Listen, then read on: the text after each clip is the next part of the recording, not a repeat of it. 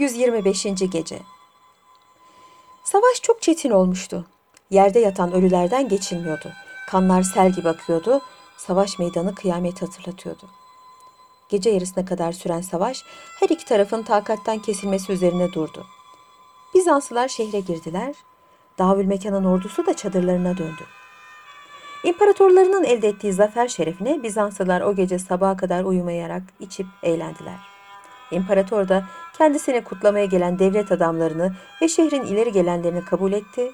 Göğsünü kabartarak da yarın tekrar savaş meydanına çıkıp Davül Mekan'ı öldürmek suretiyle elde ettiğimiz büyük zaferi tamamlayacağım dedi.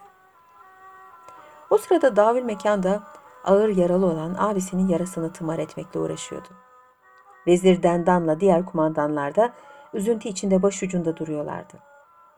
Gece yarısından sonra Sofu Abdullah ağlayarak yanlarına geldi. Hastanın alnını yokladı, bir takım dualar okuyup etrafındakilere bazı öğütlerde bulundu. Aradan çok geçmeden Şerkan gözlerini açtı. Hafif hafif konuştu. Bunu gören Davül Mekan, bunu da Abdullah'ın ermişliğine yordu. Şerkan etrafındakilere bakarak mırıldandı. Çok şükür iyiyim. Ah o hainin yaptığı hareket erkekçe değildi. Çok şükür kendimi kollayabildim. Yoksa savurduğu mızrak muhakkak göğsümü delip geçecekti. Arkadaşlar nasıl? Davül Mekan cevap verdi. Hepsi iyiler. Yalnız senin sıhhatini merak ediyorlar. Şerkan bundan sonra Sofa Abdullah'ı sordu. Başucunda durduğunu söylediler. Ona dönerek ellerini öptü. Abdullah da ona hayır dualarda bulundu. Ertesi gün düşman orduları başlarında imparatorları olduğu halde savaş meydanına çıkıp dizildiler. Biraz sonra imparator atını meydana sürüp kendisiyle savaşacak kahramanı beklemeye başladı. Birdenbire davül mekan ileri yatıldı. Vezir Dendan'la diğer komutanlar her ne kadar ona engel olmak istedilerse de önleyemediler. Davül mekan elindeki kılıcı oynata oynata savaş meydanının ortasına geldi. Orada duran imparatora sert bir sesle bağırdı. Abimi vurdun, bugün de ben seni vuracağım. Bu sözlere sinirlenen imparator birdenbire atını mahmuzlayarak düşmanın üzerine yüklendi. Davül mekan çevik bir hareketle bu hücumu def ettikten sonra onunla amansız bir savaşa tutuştu. Bir aralık imparatorun zayıf bir anını yakalayan Davül mekan yıldırım gibi bir kılıç vuruşuyla onun kafasını uçurdu. Bunu gören Bizanslılar çılgına döndüler. Hep birden Davül mekanın üzerine saldırdılar. Davül mekan onları büyük bir cesaretle karşılayarak birkaçını yere serdi. Bunu gören Vezir Dendan sağında duran Türk bahadırlarına seslendi. Hadi kahraman Türkler şunların hakkından gelelim. Bunun üzerine Türk bahadırları ileri atıldı. O sırada Davül mekanın etrafını sarmak üzere olan Bizanslıları kılıçtan geçirmeye başladılar. Biraz sonra diğer ordular da onlara katıldı. Çok sıkışık bir duruma giren Bizanslılar kendilerini surların kapılarına atıp canlarını kurtardı. O gün 50 bin kişi esir ve ölü veren Bizanslılar o geceyi yas içinde geçirmişlerdi. Çadırlara dönen Davül Mekan'la Muzaffer ordusu ise gece yarısına kadar aldıkları esir ve ganimetleri sayıp yerlerine yerleştirdiler. Sıhhati düzelen Şerkan kendisine yoklamaya gelen Davül Mekan'ı tebrik ederek öcünü aldığı için kendisine teşekkür etti. Sabah oluyordu. Güzel Şehrazat burada masalına ara verdi. Ertesi akşamda hükümdar kocasının ricası üzerine yeniden şöylece anlatmaya başladı.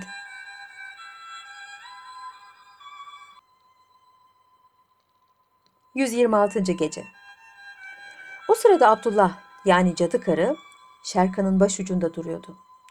Davül Mekan'ın Bizans imparatorlarıyla nasıl savaştığını ve sonra da nasıl başını uçurduğunu öğrenince yüreği burkuldu. Ağlamamak için kendini zor tuttu. Kendi kendine madem ki büyük imparatorumuzu öldürdüler, ben de Şerkan'ı öldürmezsem bana dahi kadın demesinler diye söylendi. Şerkan'ın yaraları gittikçe iyileşiyordu. O gece ilacını ve sargılarını değiştiren Vezir Dendan'a Şerkan neşeli neşeli anlatıyordu. Bugün siz epeyce yoruldunuz. Ben yarın çıkayım da siz biraz dinlenin. Vezir Dendan biraz oturduktan sonra Davül Mekan'la diğer komutanlar Şerkan'ın yanında birkaç uşakla cadı karıyı bırakıp uyumak üzere çadırlarına gittiler. Biraz sonra Şerkan'la uşakları da derin bir uykuya daldılar. Çadırda herkesin uyuduğunu görünce cadı karının gözleri sevinçle parladı. Yattığı yerden bir şeytan gibi fırladı, belinden zehirli bir hançer çıkardı. Bir anda Şerkan'ın başını kesiverdi. Odada yatan diğer uşakları da aynı akıbete uğratıp dışarıya çıktı. Vezir Dendan'ın çadırı önünden geçerken biraz durakladı, içeriye baktı.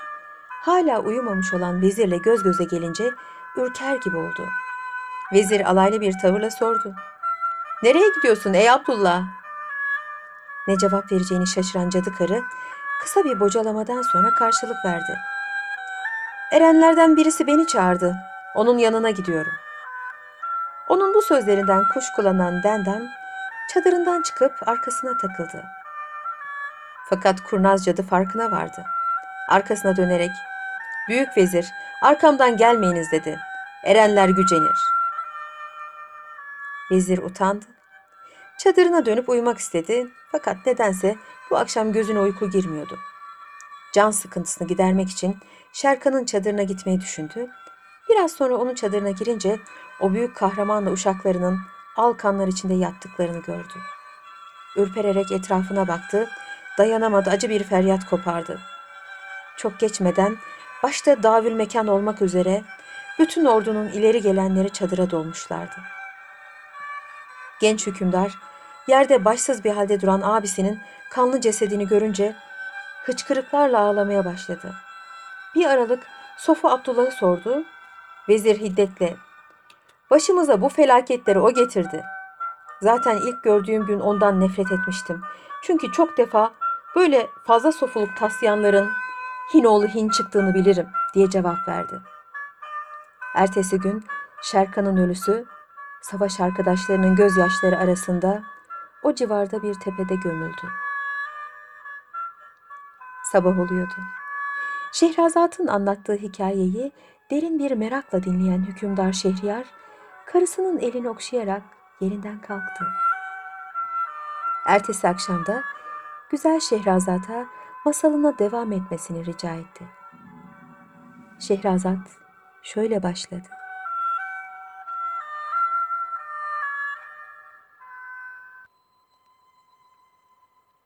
...127. Gece Cadı karı Şerkan'ı öldürdükten sonra gece karanlığından faydalanarak gizli bir kapıdan şehre girdi. Orada bir yere çekilip şu mektubu yazdı. Sayın hükümdar Davül Mekan, bundan bir iki yıl evvel Bağdat'a gidip baban Ömer Numan'ı ben öldürdüm. Ondan sonra dünyadan ele tek çekmiş bir sofu kılığına girerek Abdullah namı altında güya size yardım ediyorum diye Bizanslılar hesabına size pahalıya mal olan ve birçok yiğitlerinizin ölümüne sebep olan öğütlerde bulundum. Nihayet oğlum gibi sevdiğim imparatorun öcünü almak için büyük kahramanınız Şerkan'ı da ben öldürdüm. Fırsat bulsaydım seni ve Vezir Dendan'ı da aynı akıbete uğratacaktım. Eğer selametinizi istiyorsanız buradan kalkıp gidin. Yoksa yıllarca uğraşsanız bu şehri fethedemezsiniz. Dahi kadın. Cadı karı bu mektubu bitirdikten sonra bir silah şöre verdi ve onu bir oka takıp düşmanın bulunduğu tarafa atmasını tembih etti. Abisinin ölümüyle fena halde sinirleri bozulan Davül Mekan o gün askerlerin getirdikleri mektubu okuyunca çok daha fazla üzüldü. Yanında duran vezire bu husustaki fikrini sordu. Vezir Dendan yumruklarını sıkarak cevap verdi. Bizi iki defa aldatan ve iki büyüğümüzü öldüren bu cadı kadının ağzına kurşun dökeceğim. Sonra onu İstanbul kapılarından birinin üzerine saçlarından asacağım. Hükümdar Davül Mekan, vezirin bu sözlerinden memnun oldu. Bununla beraber bir türlü abisinin ölümünü unutamıyordu. Bu yüzden iğne ipliğe dönmüştü. Bir gün askerlerinin şehri kuşatmaktan bıktıklarını, onlara cesaret verici bir söyle vererek şehir fethedildiği zaman elde edecekleri ganimetlerin kardeşçe aralarında pay edileceğini söyledi. O sırada Bağdat'tan Davül Mekan'a bir mektup geldi. Bu mektupta bir erkek çocuğu olduğu ve çocuğa kız kardeşi Nüsetüz Zaman tarafından Kan Mekan adı verildiği yazılıyordu. Mektubun sonunda iyi bir hayat yaşayan külhancıdan da selam vardı. Sabah oluyordu. Şehrazat burada masalını ara verdi. Ertesi akşamda bıraktığı yerden şöylece tekrar anlatmaya başladı.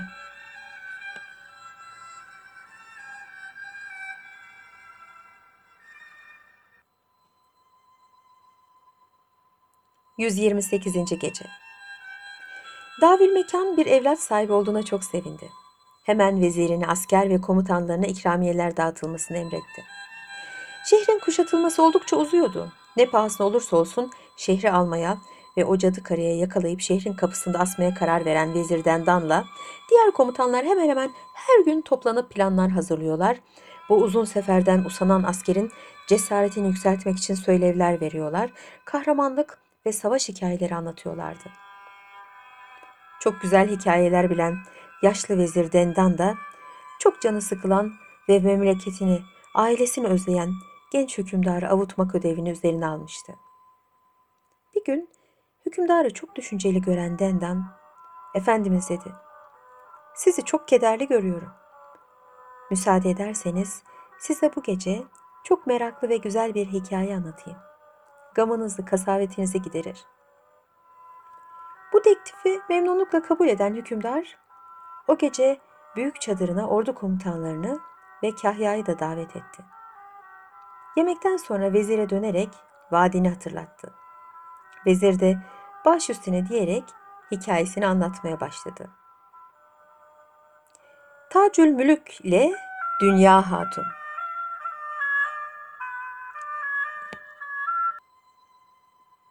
...129. Gece Vaktiyle İsfahan dağları ardında Yeşilşehir adında bir ülke vardı. Cömertliğiyle ve hakseverliğiyle tanınmış olan Süleyman Şah bu ülkeye hükümdardı. Yaşı ilerlemiş olduğu halde hala bekar yaşayan Süleyman Şah, günün birinde ailesiz bir hayatın tadı olmadığını anlayarak evlenmeye ve çoluk çocuk sahibi olmaya karar verdi. Her işte danıştığı vezirini yanına çağırdı. Ona derdini açtı ve bu hususta fikrini sordu. Vezir, Şah'ın bir odalık almak istediğini zannetti. Hükümdarım dedi. Size böyle bir şey tavsiye etmem. Çünkü para ile satın alınan cariyelerden her kötülük umulabilir. Para gibi elden ele dolaşan bu kızlarla evlenmek ve onlardan evlat getirmek bence doğru değildir. Çünkü bu gibilerin çocukları çok defa hırsız ve ahlaksız çıkıyor. Hükümdar vezirinin sözünü kesti. Cariye almak istemiyorum. İyi bir padişah kızıyla evlenmek niyetindeyim. Bu işte bana yardımını bekliyorum. Vezir biraz düşündükten sonra Şahım dedi. İşittiğime göre Beyaz ülkenin hükümdarı Zeher Şah'ın güzellikte eşi olmayan selvi boylu, kara kaşlı, kara gözlü ceylan gibi bir kızı varmış. Babasının yanına aklı başında yerinde, sözünü sohbetini bilir, bir kimse yollar, onu istersek herhalde onu size verirler. Süleyman Şah'ın yüzü güldü. Ey kıymetli ve akıllı vezirim, bu işe seni memur ettim. Şimdi halk evine git, yol hazırlığını yap ve bu kızı almadan da yanıma gelme. Hazinem emrindedir. Ne istersen al, dedi. Vezir hemen Şah'ın yanından ayrıldı, evine gidip yol hazırlığını yaptı. Sonra Zeher Şah'a götürülecek pahada ağır, yükte hafif hediyeler satın aldı. Yanında yüz cariye ve yüz uşak olduğu halde büyük bir kervanla yola çıktı. Günlerce süren uzun bir yolculuktan sonra Beyaz Ülke'ye yakın bir yere geldi. Vezir bir derenin kenarında konaklayarak güvendiği adamlardan birini Zeher Şah'a yolladı. Vezirin geldiğini haber vermek için şehrin yolunu tutan bu elçi o sırada şehir yakınında bir mesire yerinde eğlenen Zeher Şah'ın gözüne ilişti. Kıyafetinden yabancı olduğunu anlayarak adamların onu yanına çağırmalarını emretti. Biraz sonra Zeher Şah'ın karşısına gelen vezirin elçisi, Yeşilşehir hükümdarı Süleyman Şah'ın veziri tarafından geliyorum. Kendileri bu yakında bir dere kenarında konaklamışlardır dedi. Sabah oluyordu. Şehrazat burada hikayesini kesti. Ertesi akşamda bıraktığı yerden şöylece anlatmaya koyuldu.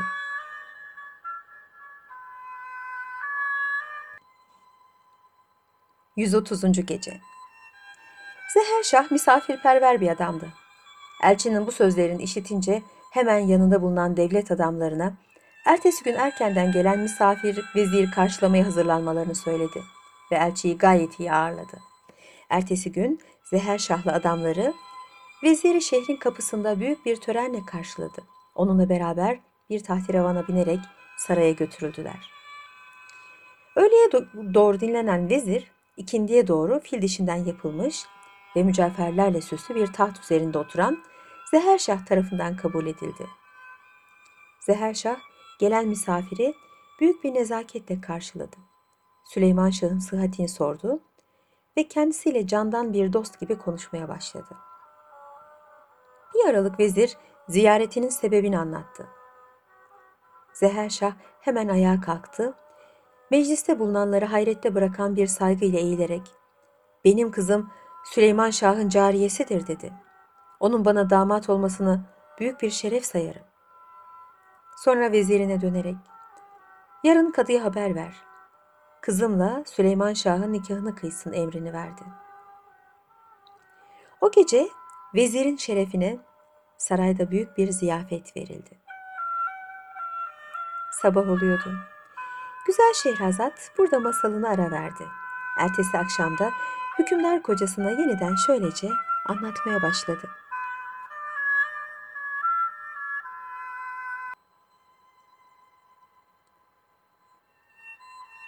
...131. Gece Ertesi gün Süleyman Şah'a veziri vekalet ederek nikah muamelesi yapıldı. Vezir törenden sonra getirdiği hediyeleri Zeherşah'a sundu. Zeherşah kızını hazırlamak için vezire iki ay kadar beklemesini rica etti. İşin yolunda gittiğine memnun olan vezir bu teklifi memnunlukla kabul etti. Zeherşah iki ay içinde kızına kıymetine paha biçilemeyen bir çeyiz hazırladı. Onu altından yapılmış bir tahteravana bindirerek yüzlerce cariye ve uşakla beraber vezirle yola çıkardı. Zeherşah kızını ülkesinin sınırlarına kadar uğurladıktan sonra geri döndü. Vezir de o büyük kervanla beraber Yeşil şehre yollandı. Hiçbir tehlikeyle karşılaşmadan Yeşil şehrin sınırına vardılar. Vezir orada mola vererek Süleyman Şah'a bir müjdeci gönderdi. Yine sabah oluyordu. Şehrazat burada sustu. Ertesi akşamda bıraktığı yerden masalına şöylece devam etti. 132. Gece Vezirinin gelmesini sabırsızlıkla bekleyen Süleyman Şah, günün birinde karşısına müjdecinin geldiğini görünce sevincinden ne yapacağını şaşırdı. Müjdeciye değerli bir hediye ile bir rütbe verdi. Sonra devlet adamlarına şehri donatmalarını ve büyük bir törenle veziri karşılamalarını emretti. Vezirin Süleyman Şah'ın alacağı kızla geldiği haberi şehirde yayılınca bütün halk sokaklara döküldü. Herkes gelin alayını seyretmek için sabırsızlanıyordu. Devlet adamlarından ve şehrin ileri gelenlerinden bir heyet gelini şehrin kapısında karşıladı. Şahın silahşörleri derhal gelinin binmiş olduğu tahterevanın etrafını sardılar. Gelin alayı ağır ağır halkın coşkun sevinç bağırışları arasında saraya vardı.